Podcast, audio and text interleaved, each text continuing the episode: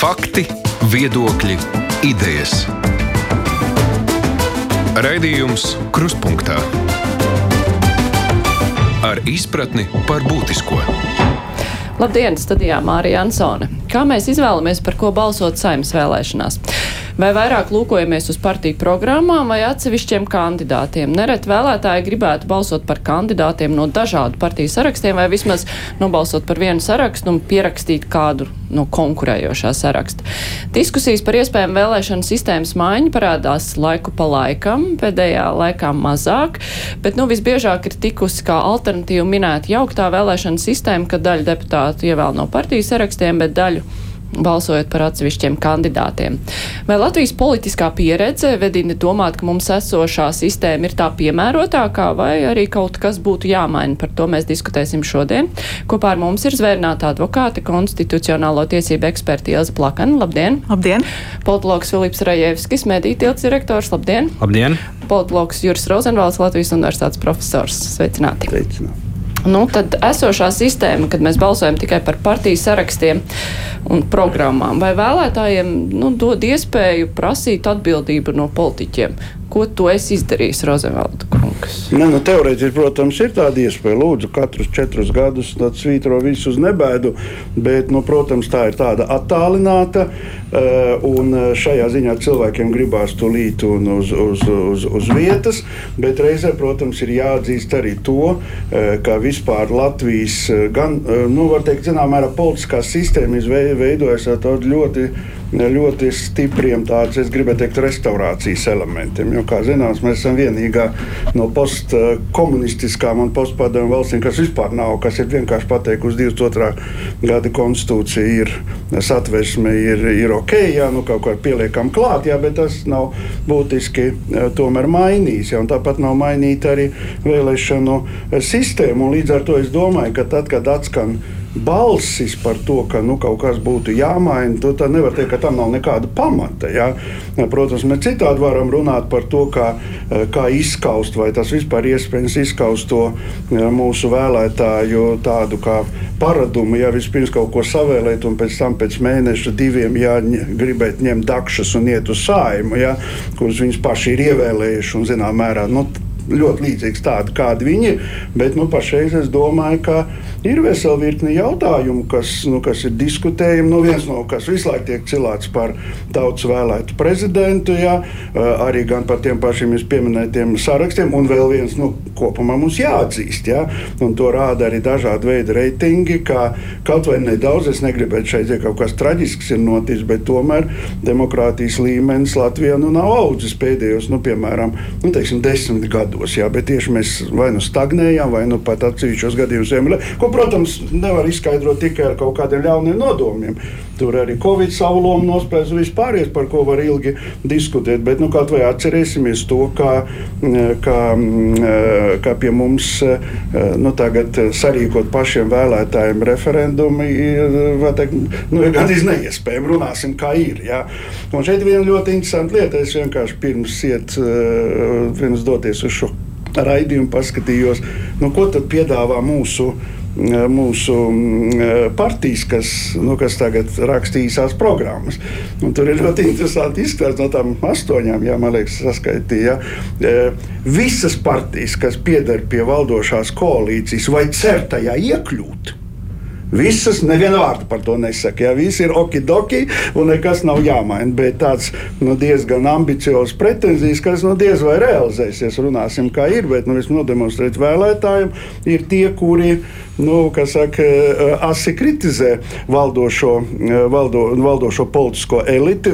Es domāju, tam arī ir pamats, jo pašreizējā sistēma, runāsim, kā ir, tām partijām, kas ir pie varas, ir ārkārtīgi komfortabla. Jā, principā jābūt nu, no tām, kas saka, tās partijas, kas ir pašreiz valdošajā koalīcijā, nu, paņemsim, tur kāds viens var pamainīties, jā, bet tā, ka tur nomainīsies visi uzreiz un ka viņi tiks izmesti, jā, nu, tāds iespējas runāsim reāli nav tāpēc, kāpēc būtu jāmaina īpaši. Tā, tas arī tā sava veida loģika, ko es saskatu politiķu.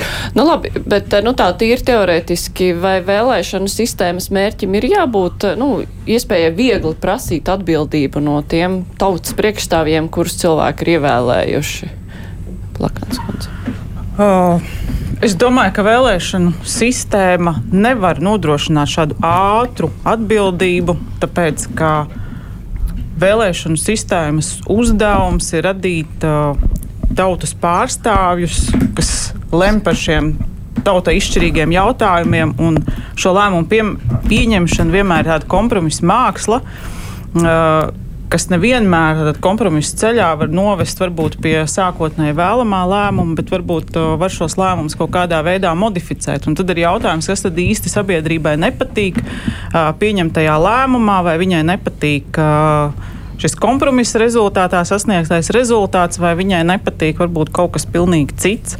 Un tāpēc šī ir tā politiskā atbildība, kad vēlētājs uh, savu deputātu novēlē, uh, novērtē četru gadu periodā pēc būtības, ja, ja mēs runājam par tādu atbildīgu vēlētāju, tad viņam politikai būtu jāsako līdzi visus četrus gadus, jāskatās, kā viņa deputāts ir darbojies, kādus lēmumus viņš ir pieņēmis, vai viņš ir vadījies pēc uh, savas partijas programmas, par kuru vēlētājs ir balsojis, un tad jau nākošajās vēlēšanās ar savu balsi vai nu apbalvot šo deputātu vai viņu sodīt, uh, izmantojot nu, arī iespēju vai partijas sarakstu. Jā, nu, tā tad, uh, nu, iespēja arī sodīt deputātu, svītrojot viņu ārā. Jā, un, uh, mm, Iespējams, ka mūsu vēlētājiem daudz vairāk vajadzētu šo iespēju izmantot tādā veidā, netiešā veidā padarot viņus atbildīgus par to, ko viņi iepriekšējos četros gados ir sastrādājuši. Lai gan ar to svītrošanu ir tā, ka ir kandidāti, kuri saņēmuši ļoti daudz svītrojumus, kuri varbūt pat nav ievēlēti, bet pēc tam partijai tāpat ir brīvas rokas iedot amatus šīm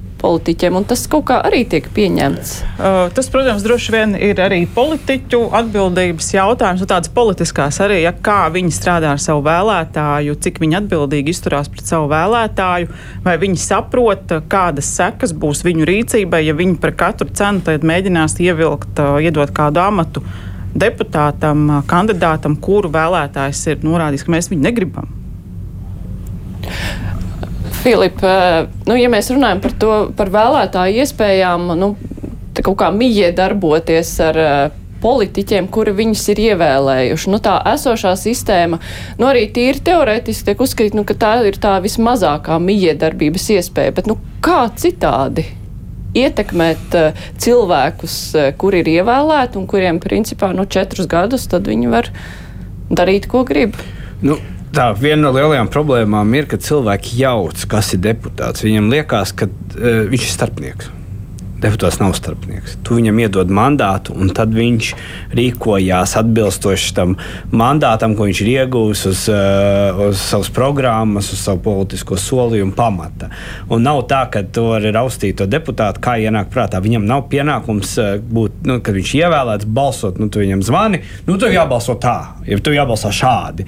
Tas nav viņa pienākums, jo šajā gadījumā tāpēc viņš tur ir ievēlēts, tāpēc viņš tā teikt, sēž augstāk, viņam jāredz tālāk, jāredz labāk kā ir labāk viņa vēlētājiem. Varbūt īstermiņā, piemēram, lēmums nav uh, ļoti cienījams un patīkams, bet atkal pēc tam novērtē, ka tie lēmumi bijuši pareizi un noveduši mūs līdz uh, pareizām kaut kādām rezultātiem. Nu, viens no tādiem uh, paraugiem bija nu, situācija, piemēram, ar eiro ieviešanu. Ļoti, ļoti interesants uh, moments, kur bija kur mēs redzējām, ka, ja, ja būtu, piemēram, referendums, nezinu, nezinu kā tur tajā laikā būtu nobalsots vai nebūtu nobalsots par eiro ieviešanu.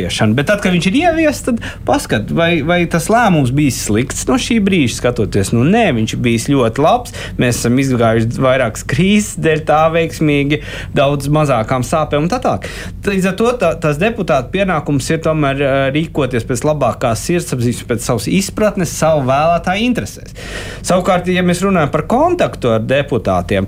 Nu, te ir tevis deputāts no deputāta atšķirās, ir labie paraugi un piemēri, kas arī strādā četrus gadus savos apgabalos, tiekās ar cilvēkiem. Ir sliktie piemēri, kur pat nevīžo uzkāpt uz tribīnas kaut ko pateikt. Tā, tādi, bet, bet tāpēc jau mums ir rotācija. Tāpēc katrās vēlēšanās nu, minimums 40% deputātu seja nomainās. Un tādēļ es domāju, ka, ka šai sistēmai nav nevainas, jo jebkurā gadījumā, tad, kad runā par sistēmas maiņu, jāsaprot. Nu, ko mēs iegūsim un kādi ir tie mērķi, ko mēs gribam sasniegt, bet vienmēr arī jāizvērtē, ko mēs zaudēsim. Tad, jo jo te, te vajadzētu pieminēt to, ka kopš uh, neatkarības atjaunošanas uh, ir mainīta sistēma vēlēšana. Bet tam vēl pietiekoši nopietni. Ja mēs atceramies 5. saimnes vēlēšanas, tika vēlēts pēc maināmajiem Nu, tas sarakstiem, kas ir nu, tieši kopija no pirmskara perioda laikiem. Pie tam vēl vienīgais bija uh, barjera 4%, bet maināmies sarakstu tā.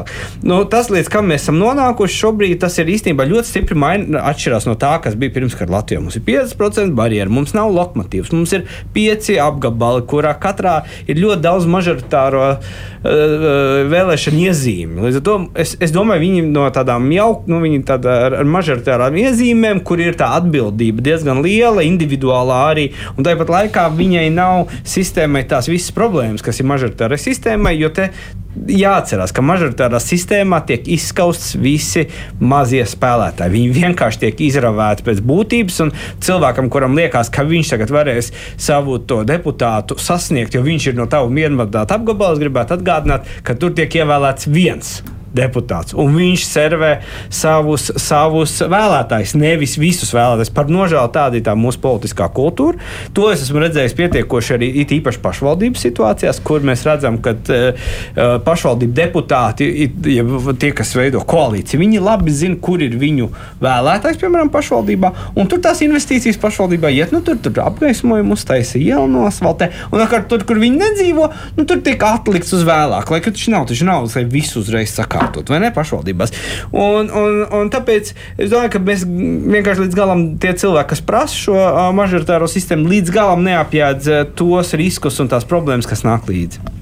Es gribētu tomēr vienā ziņā Filipam iebilst, jo nav runa par to, vai mažoritārā vai, vai proporcionālā, vai nu vai nu. Nu, te var pa, pa, pastīties pat pie mums kaimiņos un pastīties uz Lietuvu. Ja?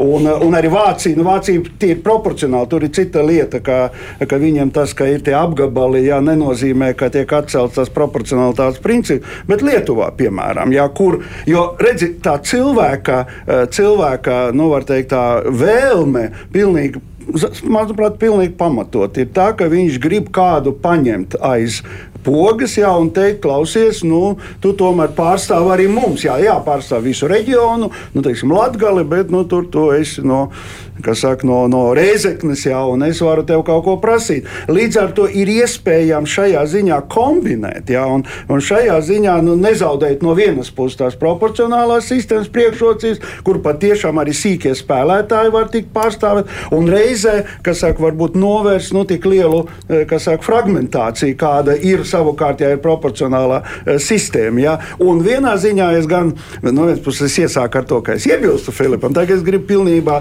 pievienoties vienā ziņā attiecībā uz deputāta lomu reprezentatīvajā demokrātijā. Cilvēki bieži vien, nu tā ir arī ilūzija, iedomājās, nu, kad viņiem jautā, kura tad ir īstā demokrātija. Nu, tā ir tiešā demokrātija. Ja? Tā ir cita lieta, ka mēs varam stundām runāt par to, kāds ir blaknes demokrāti, tiešai demokrātijai, paskatīties uz Lielbritāniju, balstīties uz Brexitu. Ja? Kad ir pieņemts saka, lēmums ar, nu, teikt, ar milzīgām nozīmēm, ar tur, saka, sīkiem procentiem, ja, kas tur bija. Bet, bet cilvēki varbūt nu, tas arī nevar gaidīt no parastā vēlētāja. Manuprāt, ne līdz galam apzinās, ka tad, kad mēs runājam par tiešo un pārstāvjiem, mēs runājam par diviem diezgan atšķirīgiem demokrātijas tipiem. Vienā gadījumā, tiešās demokrātijas gadījumā, mēs, mēs izvēlamies lēmumu, mēs pieņemam lēmumu, nu, kas ir kopā ar citiem, tur cik mana balss. Savukārt, kad mēs uh, vēlām, uh, piedalāmies vēlēšanās, mēs izvēlamies tos, kuri pieņems lēmumus un dodam viņiem rīcības brīvību, kas, starp citu, padara tiešo, tas ir reprezentatīvo demokrātiju lokanāku arī par, par, teiksim, par tiešo demokrātiju, nu, piemēram, prezidents ievēlēts visu tautas prezidentu. Tāpēc, ka šeit ir iespējama situācija, kas varbūt parastam vēlētājiem var nepatikt, bet es gribu iedomāties, ziniet, kā kādreiz Mārtiņš Luters Kings teica, es ceru, ja, ka kādreiz, teiksim, Nacionālās apvienības deputāts var apsēsties kopā ar kādu saskaņas deputātu, iedzert aliņu un pateikt, ko mums darīt, lai mēs kopā šajā valstī dzīvotu. Vai tas notiks, tūlīt tas ir cits jautājums, ja? bet principā reprezentatīvā demokrātija šādu iespēju paver. Tāpēc lielā, lielākā daļa kompromisos, ko varbūt parastais vēlētājs var teikt, kas te vispār notiek, ja? bet tas ir šajā šajā ziņā izējot, nu, pieņemot to, ka tie, kurus ievēl, nu, varbūt tomēr ir varbūt vairāk saka, apguvuši to pārvaldes mākslu un politiku un tā tālāk. Ja? Tas ir būtiski. Bet nu, šeit pieminētie mazie spēlētāji, kas tiek izslēgti no spēles, ja ir mažoritārā vēlēšana sistēma un, nu, Jā, nu gal galā tad, tur arī ir daļa cilvēku, kas beigās vienkārši netiek pārstāvēti. Bet tieši šie daudzie spēlētāji bieži vien tiek minēts kā trūkums mūsu politiskajā sistēmā, ka mēs nevaram sastādīt normālu valdību, tur sa savēl kaut kādas N frakcijas, nevar vienoties. Par starpkaru Latviju vispār nerunājot, ka tur varēja iebalsot vienu, divus cilvēkus un tur gāja uz urā cilvēku nu, tirgošanās. Nu, tirgošana, jā. jā, bet vai tas ir regulējams tikai ar procentu barjeru vai vēl kādā veidā? Uh, es domāju, ka tur atkal ir jāatgriežas pie paša vēlētāja un uh, jāmēģina saprast, kas tad uh, vēlētājiem īsti nepatīk esošajā vēlēšanu sistēmā. Vai tas ir tikai tas, ka viņš nevar paprasīt atbildību, uh, vai tas ir vēl kaut kas. Un bieži vien mēs nu, no tos pārmetumus, ko mēs lasām no vēlētāju puses, ja, nu, teiksim, apvainojumu godprātības trūkumā vai iespējams kāds kaut kur pārmet korupcijas gadījumus. Un, Uh, tad mēs varam uzdot jautājumu, vai vēlēšanu sistēmas nomaiņa atrisinās tās problēmas, par kurām vēlētājs sūdzās. Un manā skatījumā sistēma pati neko neatrisina. Ja? Nebūs jau tiem godprātīgiem cilvēkiem, no kurienes rasties. Ja viņš šodien ir negodprātīgs proporcionālajā vēlēšanu sistēmā, tad viņš būs tikpat negodprātīgs arī mažoritārajā vēlēšanu sistēmā ar daudz lielāku iespēju varbūt šim negodprātīgajam iegūt šo mandātu. Savukārt tas mazākuma pārstāvība, kas varbūt nemaz nav mazākuma, bet varbūt pat vairākuma pārstāvība, negūs nekādu ietekmi attiecībā uz lēmumu pieņemšanu. Un jāsaprot arī, ka mažoritārajā sistēmā nu, tas vairākums arī ir nosacīts. Jā, tas ir tiksim, divpakāpju vēlēšana, kur varbūt tas kandidāts nemaz, ja uz otro kārtu nemaz neaiziet. Jā. Nemaz neaiziet, jā, vai zinot latviešu mentalitāti, tikpat labi, nu, ja manu kandidātu nav tās balss nodots, es vispār apvainojos un neju vairāk balsot. Un tad arī pazūd šis uh, kontakts ar deputātiem. Ja mēs sūdzamies šobrīd, ka nav kontakta ar deputātu, tad jau viņš mažoritārajā sistēmā vēl jo mazāk. Viņš ir vēl mazāk, tātad tur ir kontakts tikai vēlētājam ar to kandidātu, par kuru viņš ir nobalsojis. Ja viņa kandidāts nav ievēlēts, viņam zūd pārstāvība, ar ko viņš sarunāsies. Viņam nav pārstāvības uh, parlamentā. Līdz ar to, lai cik varbūt nepatiktu šī partiju sistēma un varbūt tur 5, 6 vai 7 partijas parlamentā, tomēr tas nodrošina šo viedokļu daudzveidību, iespēju pieņemt lēmumus. Jā, viņi iet varbūt grūtāk, viņi iet ilgāku ceļu, bet tas nozīmē tomēr, ka sabiedrības vairākums tomēr parlamentā ir pārstāvēts un, un uh, viņiem ir iespēja tomēr kaut ko ietekmēt. Nu, tā vēlme parasti tiek raksturot tā, ka. Nu, Tā vienkārši ņemot, es uh, labprāt sastādītu tur zvaigžņu komandu no visiem sarakstiem, un tad būs uh, ideālais parlaments. Tas ir tā bērnišķīgi, vai tomēr kaut kas racionāls tur ir?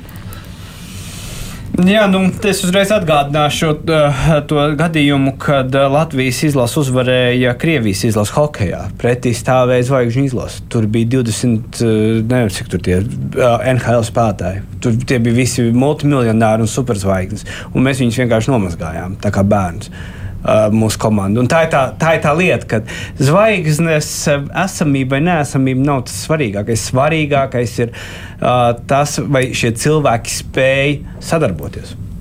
Un vai viņi vispār spēja piedalīties tādā lietā, kā parlamentārā uh, darbā, kas prasa diezgan lielu teiksim, tā, uh, iecietību, diezgan biezu ādu un gatavību gan uz kompromisiem, gan spēju runāt ar vēlētāju. Un te es domāju, ka ne jau sistēmā ir problēma. Tas, ko es saskatu, kur ir problēma, tajā, ka uh, mūsu deputāti tomēr pietiekoši nav pietiekoši empātiski pret tiem vēlētājiem. Un tas, ka mums ir, nu, tas vienmēr saka, nu, tad vēlēšanas tā, nu, tad beidzot deputāti atcerās.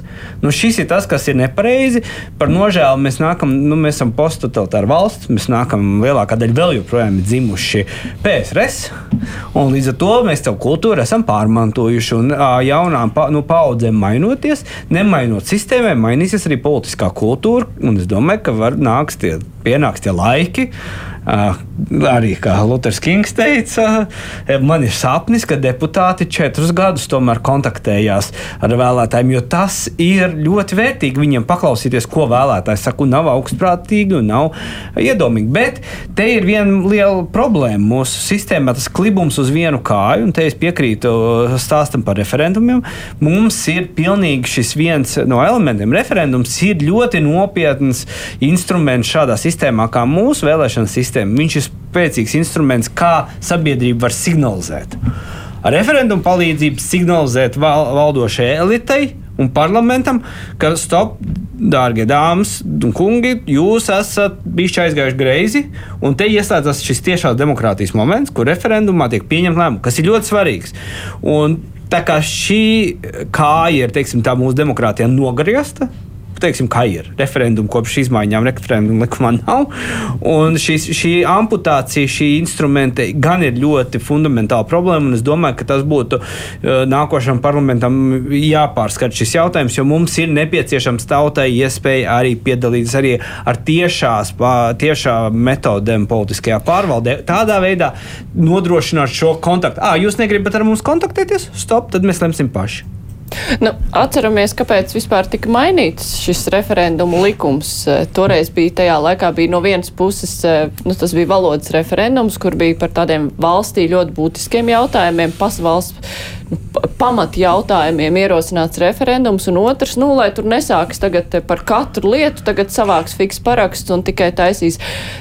Un tas solis nu, tika spērts ārkārtīgi liels referendumu ierobežošanas. Aizliekšana. Jā, nu, jā. Bet, bet, virzienā, atvainot, bet, bet, valodas, bet valodas referendums, vai tas bija slikti galu galā? Nu. Tas bija viens no labākajiem referendumiem, tā līdzdalība milzīgā. Tad milzīgais pārsvars, kāds nobalsoja par latviešu valodu, parāda, ka referendums parāda šo tautas noskaņojumu, kur izskatās uz to mirkli. Eh, īstenībā elitē nebija šāds noskaņojums politiskajā. Politiskā elite bija elastīgāka par tautu. Tāpēc es saku, tā, tas, ka nav šī instrumenta, ka viņš ir atņemts tautai. Elite brīžiem aizspēlēt kaut kādos jautājumos. Nu, elite nebija pārliecināta par tautu. Tauta parādīja. Nekontaktējās ar tautu. Jā. Ne, nu, man liekas, arī ar, gribētu no otras puses piebilst, ka, eh, ka ja mēs runājam par referendumu un nu, runāsim atklāti par to izbīlu, ko pārdzīvoja latviešu tieši politiskā elite, ja, kas, manuprāt, eh, lika tai neadekvāti reaģēt gan tādā ziņā, ka vienkārši nu, aizliegt vispār jebkādus referendus, bet būtu, un otrkārt pat nemēģinot tai uh, eiforijai, kas radās pēc tam noskaidrot, par ko bija referendums. Tas arī būtu jautājums, uz ko nav atbildēts, ja, jo bieži vien no turienes arī sākās daudzi mīti par to, ka Lūk, saka, eh, naidnieks blakus un nekāda cita varianta nav. Bet es par citu gribēju teikt, tad, kad mēs runājam par eh, atbildību, ja, tad es gribētu atgādināt klasiķu vārdus, ka asprātīga maniera rakstīt paredz asprātību arī lasītājā. Ja. Respektīvi, ka, eh, ka šeit būtu nepieciešams runāt arī par to pusi, kur ir kur ir vēlētājs.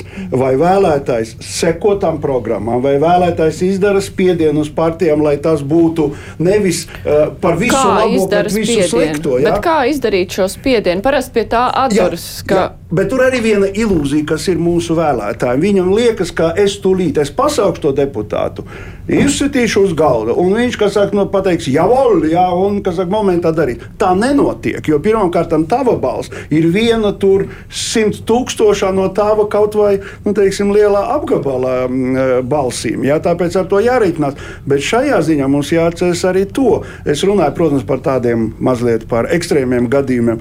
Revolūcijas, kas zināms, netaisa tauta, kas iziet un visi vienotāji ierindā nobalso un saka, būs tā revolūcijas, un to rāda pieredze. Taisa 3, 5, 7% aktīvo iedzīvotāju, kas izdara spiedienu uz pārējo sabiedrību, kas mudina mudina nu, dažādos veidos, ja, un šajā ziņā gatavojas uz nu, kaut kādu ilgstošu procesu. Ja. Man liekas, ka viens, ko pie kā joprojām nevar pierad, eh, pierast mūsu vēlētājs, ir tas, ka momentā nemainīsies, ja, bet mainīsies tad, ja mēs šodien nepaklausīsimies, atnāksim rīt, atnāksim parīt, atnāksim aizparīt, ja, un tā mēs nāksim, kamēr sabiedrība, politiķi nepamodīsies. Manuprāt, šīs moments daudziem ir tā, nu kā e, varbūt drīzāk tuvu tādu, nu, es tā kā varu, es nobalsoju, miers, un tad vajadzīgā brīdī pakratīšu ar pirkstiņu momentā nostāsies miera stāja. Tā tas nenotiek, un tā tas nekad nebūs. Ja?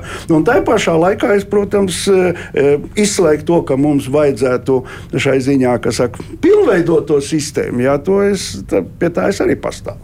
Nu, lai mums būtu tas demokrātijas komplekts pilns, tad tas referenduma jautājums ir jāmaina. Uh, Es domāju, ka droši vien lemjot par izmaiņām referendumu kārtībā, tika pieļauta kļūda, kas tiek pieļauta diezgan bieži, ka šis jautājums netika līdz galam izsvērts, izanalizējot visu plusus, mīnusus un sekas, kādas tas radīs. Pieļauju, ka šo jautājumu var izsināt diferencējot jautājumus, teiksim, konstitucionāli nozīmīgos jautājumus, ja kur varbūt ir vajadzīgs lielāks skaits referendumu ierosināšanai un citus jautājumus, kur varbūt pietiktu ar kaut kādu uh, mazāku skaitu, ja kaut vai tie paši. Nu, kaut kas vienkāršāks, ja nekā tie svarīgie satversmes panti, kur mēs varam grozīt arī tikai tautas nobalsošanā. Uh, varbūt tas būtu kaut kāds kompromiss, kā palīdzēt sabiedrībai iesaistīties un sajust, ka viņiem ir iespēja kaut ko ietekmēt. Vairāk nekā tikai vēlēšanās. Uh, bet, protams, uh, piekritīšu savā ziņā arī par vēlētāju atbildību. Vai gadījumā nav tā, ka vēlētājs no vēlēšanu sistēmas gaida kaut kādu automātisku rezultātu, uh, kas izriet vienkārši no tā, ka es esmu vienā dienā piecēlēs, aizgājis, nobalsojis vēlēšanās, un tagad viss notiek pats no sevis. Tāpēc vēlētājam, jā, prasot atbildību no deputāta, būtu arī savā pusē jāpaskatās, ko es esmu kā vēlētājs izdarījis, lai izdarītu labāko izvēli. Vai es esmu izpētījis kandidātu sarakstu, vai es esmu izpētījis šos cilvēkus, kas kandidē, vai es zinu, ar ko viņi nodarbojas, vai es zinu, ko viņi ir darījuši, kādi ir viņu, bijuši viņu sasniegumi, ko viņi ir darījuši iepriekšējā sasaukumā, ja viņi jau, jau ir bijuši deputāti. Un tad vai es izdarīšu labāku izvēli? Ļoti daudz aiziet uz vēlēšanām, un tad tikai sāk skatīties sarakstus, un tad uz dūlo atzīmē ja, to, kas viņam varbūt pēc vārdu uzvārdu. Bet par to pateikt. vēlēšanu sistēmas maiņu jau runā tie cilvēki, kur ir izpētījuši tos sarakstus, sapratuši, ka nav par ko balsot, nu varbūt par šito no tā saraksta, varbūt par šito no tā cita saraksta, un tad mēģina kaut ko lasīt kopā un izvēlas varbūt mazāko no ļaunumiem. Nu, bet, eh, nu, mēs atkal minēsim konkrētu piemēru. Visa cieņa pret Raimondu Palka skaņradi. Ja? Un man droši vien, ja tagad būtu, un viņš būtu jaunāks, nedaudz kategoriski atteiktos, ja? bet pieņemsim kaut kur atpakaļ, ejot, nu, būtu mums pre, tiešās vēlēšanas prezidents mm. no Raimonds Pauls aiziet uz urā. Tā pašā laikā, kad Raimonds Pauls bija saima, nu, es nezinu, vai viņš uzstājies e, kādu reizi, varbūt ne, bet šajā ziņā cilvēks dara to, ko viņš prot un kur viņš ir nepārspējams. Ja? Bet varbūt nav arī tā cerība, ka cilvēks, kurš ir ļoti labs, eh, tas kā labs jurists, varētu noteikti kļūt par labu politiķu vai politologam, būtu arī mazliet vairāk jāsaprot sociologam. Ja? Bet teikt, kā teiksim, labs arhitekts tūlīt, kas kļūs par, par tādu parlamenta zvaigzni, ja, kas vedīs aiz sevis cilvēks, nu nav tā, tā nav tik vienkārši. Un tāpēc šajā ziņā varbūt no daudzām ilūzijām vienkārši jāatbrīvojas. Nu, partijas joprojām eh, šos eh, nu, par šos cilvēkus liek sarakstos, tad kā ar kādiem instrumentiem atradināt no tā? Nē, es domāju, ka nu, šajā ziņā varbūt tas arī nav nekāds milzīgs grēks. Nu, it īpaši ņemot vērā to, nu, runāsim, eh, cik, nu, cik piemēram, partija var cerēt. Paskaties uzmanīgi, pirmajās tur divās, trīs vietās lielākoties tomēr ir tie cilvēki, kas jau ir ar pieredzi un kur ir droši apmēram zināms, kā vai, vai arī tie ļoti populārie politiķi, nu, kādreiz vienkārši tā. Uh, pozā nostājās tādā zināmā mērā un saka, nu es ielikšu sevi par pēdējo, jā, un tad man tur ievēlēs vai kaut ko tam līdz, kā tas ir Latvijas uh, politiskajā vēsturē arī bijis. Ja? Bet nu, nu, nu, aizliegt nevar, nu, ko likt, bet, bet vai tur ir lielas cerības, ka viss ievēl, un kad ievēl, tur pašiem vēlētājiem jānovērt, nu, cik tā labuma ir bijis no tā. Ne, tur ir problēma īstenībā. Tā ir komunikācija problēma, jo uh, tas, tie, tie, kas tiek likti, nu, tie, tas ir zvaigznes. Tie cilvēki, kuri spējuši sapulcināt ap sevi lielu auditoriju, savu profesionālo darbību, vai tas ir komponists, vai tas ir mūziķis, vai tas ir aktieris, vai tas ir sportists. Tie ir cilvēki, kuri kontrolē lielu auditoriju ar saviem nopelniem. Un, un ja mēs paskatāmies no otras puses, kāpēc viņus ņem, tāpēc ka izskatās, ka politiķi nespēja šo auditoriju ap sevi pulcināt. Un šā, šī ir problēma atkal nevis sistēmā, bet šī ir atkal politiskajā elitē. Jo, ja mēs paskatāmies, kas ir veiksmīgi politiķi arī vēsturiski, nu viņi ir šaumeņi. Nu, paskatīsimies uz Borisu Džonsonu Lielbritānijā. Nu, viņš ir šaumens arī pie viena. Bez tā, ka viņš ir labs politiķis, Čerčila eh, pētnieks, ļoti labi izglītots, bet viņš ir šaumens un viņš spēja aiz sevīm, ap sevi sapulcināt auditoriju. Un tā ir tā Latvijas politiķa problēma. Un tas ir tā atrautība no sabiedrības, par ko visi pukst. Jo, ja tu spēj sapulcināt ap sevi auditoriju, tas nozīmē, ka tu jūti to auditoriju, tu dzirdi, ko viņi tev saka. Jo visi šaumeņi ir ļoti dzirdīgi cilvēki, ļoti jūtīgi cilvēki. Viņi jūt katru, katru auditorijas kustību, kad aug, kad neaug, kad tā auditorija kā reaģē uz kuru viņu uh, soli. Un šis jūtīgums šaubuma zudums tiek kompensēts ar to, ka nu, tad, nu, labi, mēs paši neesam šaumiņi, mēs to auditoriju nemākam rīkoties. Tad mēs uzaicināsim kādu šaumeni no šovu biznesa, kas ir nepareizi e, un, un nav ilgs, ilgspēlējošs modelis, kā mm. politiķi var strādāt. Uh, es gribēju nu, iebilst, varbūt papildināt, ka politiķi šos atpazīstamos cilvēkus ņem tāpēc, ka viņi ļoti labi zina, ka par viņiem nobalsos. Jo viņi saprot, ka tas vēlētājs uz to pavelkas. Jā, viņam ir viegli nu, pārdot. Nu, jā, tā brutāli. Viņu ir viegli pārdot. Un viņi saprot, ka tas vēlētājs, kurš neanalizē partiju sarakstus un nevērtē šos kandidātus, viņa spējas, viņa pieredzi, viņš nobalsos par to, ko viņš atpazīst. Un rezultāts ir sasniegts. Ja šis vēlētājs būtu gudrāks, atbildīgāks un pārstātu balsot vienkārši tāpēc, ka viņš zina Raimonu Paulu vai vēl kādu atpazīstamu aktieru, tikai tāpēc, ka viņš ir aktieris, šī praksa pamazām beigtos. Ja, jo nebūtu jēgas vilkt savā partijās vienkārši iekšā atpazīstamus cilvēkus, jo tas nedod nekādu rezultātu. Tas ir tas, ko partijas apzinās un ar to arī manipulē joprojām. Jā, bet es gribētu turpināt eh, Filipa piemēru par Borisu Džonsonu, kurš, kā zināms, ir, eh, ir savu amatu zaudējis. Jā, un šeit parādās cits, ko jūs, ko jūs iesākāt. Jautājums par politiskās elites atbildību.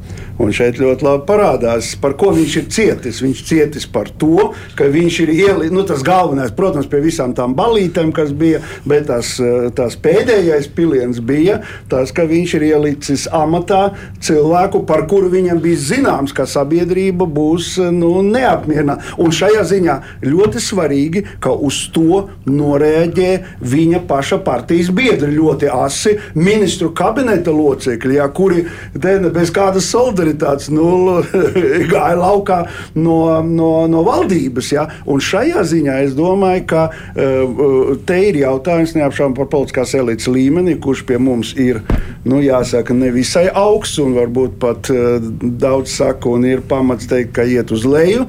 Ja? Un, bet šeit ir arī viena objektīva problēma. Un, protams, tā problēma saistās, vai to var tā tik viegli pārvarēt, saistās arī ar sabiedrības lielumu. Jo mums pilnībā iztrūkst viens ļoti svarīgs uh, posms, kas rietumos darbojās kā, nu, kā svarīgs kriterijs tam, vai var vai nevar. Tas, kā pirms tikt vispār sarakstā, piemēram, Vācijā. Tām cilvēkam sevi jāparāda varbūt sākumā daudzos gadījumos kā brīvprātīgajam, pēc tam kaut kādā partijas struktūrās, jā, un rezultātā veidojās tā saikne, kad es ar studentiem biju Bundestāgā, jā, un kad mēs runājam ar vienu, eh, kur, kā zināms, ir divi veidi deputāti Bundestāgā. Tie, kas ievēlēti no uz tiem individuāliem sarakstiem, no, uz individuālu pamatu un uz partijas sarakstu. Uh, un tie tas tomēr tie pirmie, kaut arī oficiāli tā tas nav skaitās tā mazliet ākal. Un kur viņš teica, ka viņš bija pārsteigts, ka viņa uh, deputāts, kurš ir no Kreuzbergas Berlīnē ievēlēts, naturāli pazīst katru otru uz ielas, un viņu pazīst. Ja?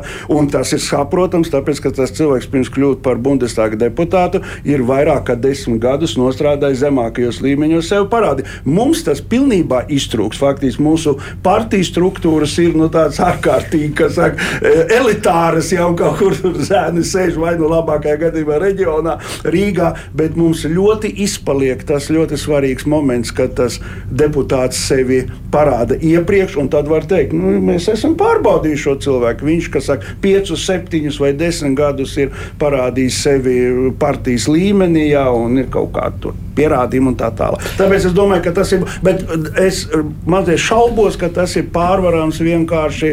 Nu, tas ir, jo tas ir objektīvi, jo sabiedrība ir maza. Jā. Nu, tieši tā, mums cik partija uz mūsu vēlētāju skaita, nu, tas ir, tur, jā, būtu interesanti veikt šādu salīdzinājumus. Bet, nu, atkal atduroties pie tā, ka mums ir ļoti daudz partiju un vēlēšanās arī, nu, tagad arī izskatās, ka daudz partijas varētu iekļūt saimā.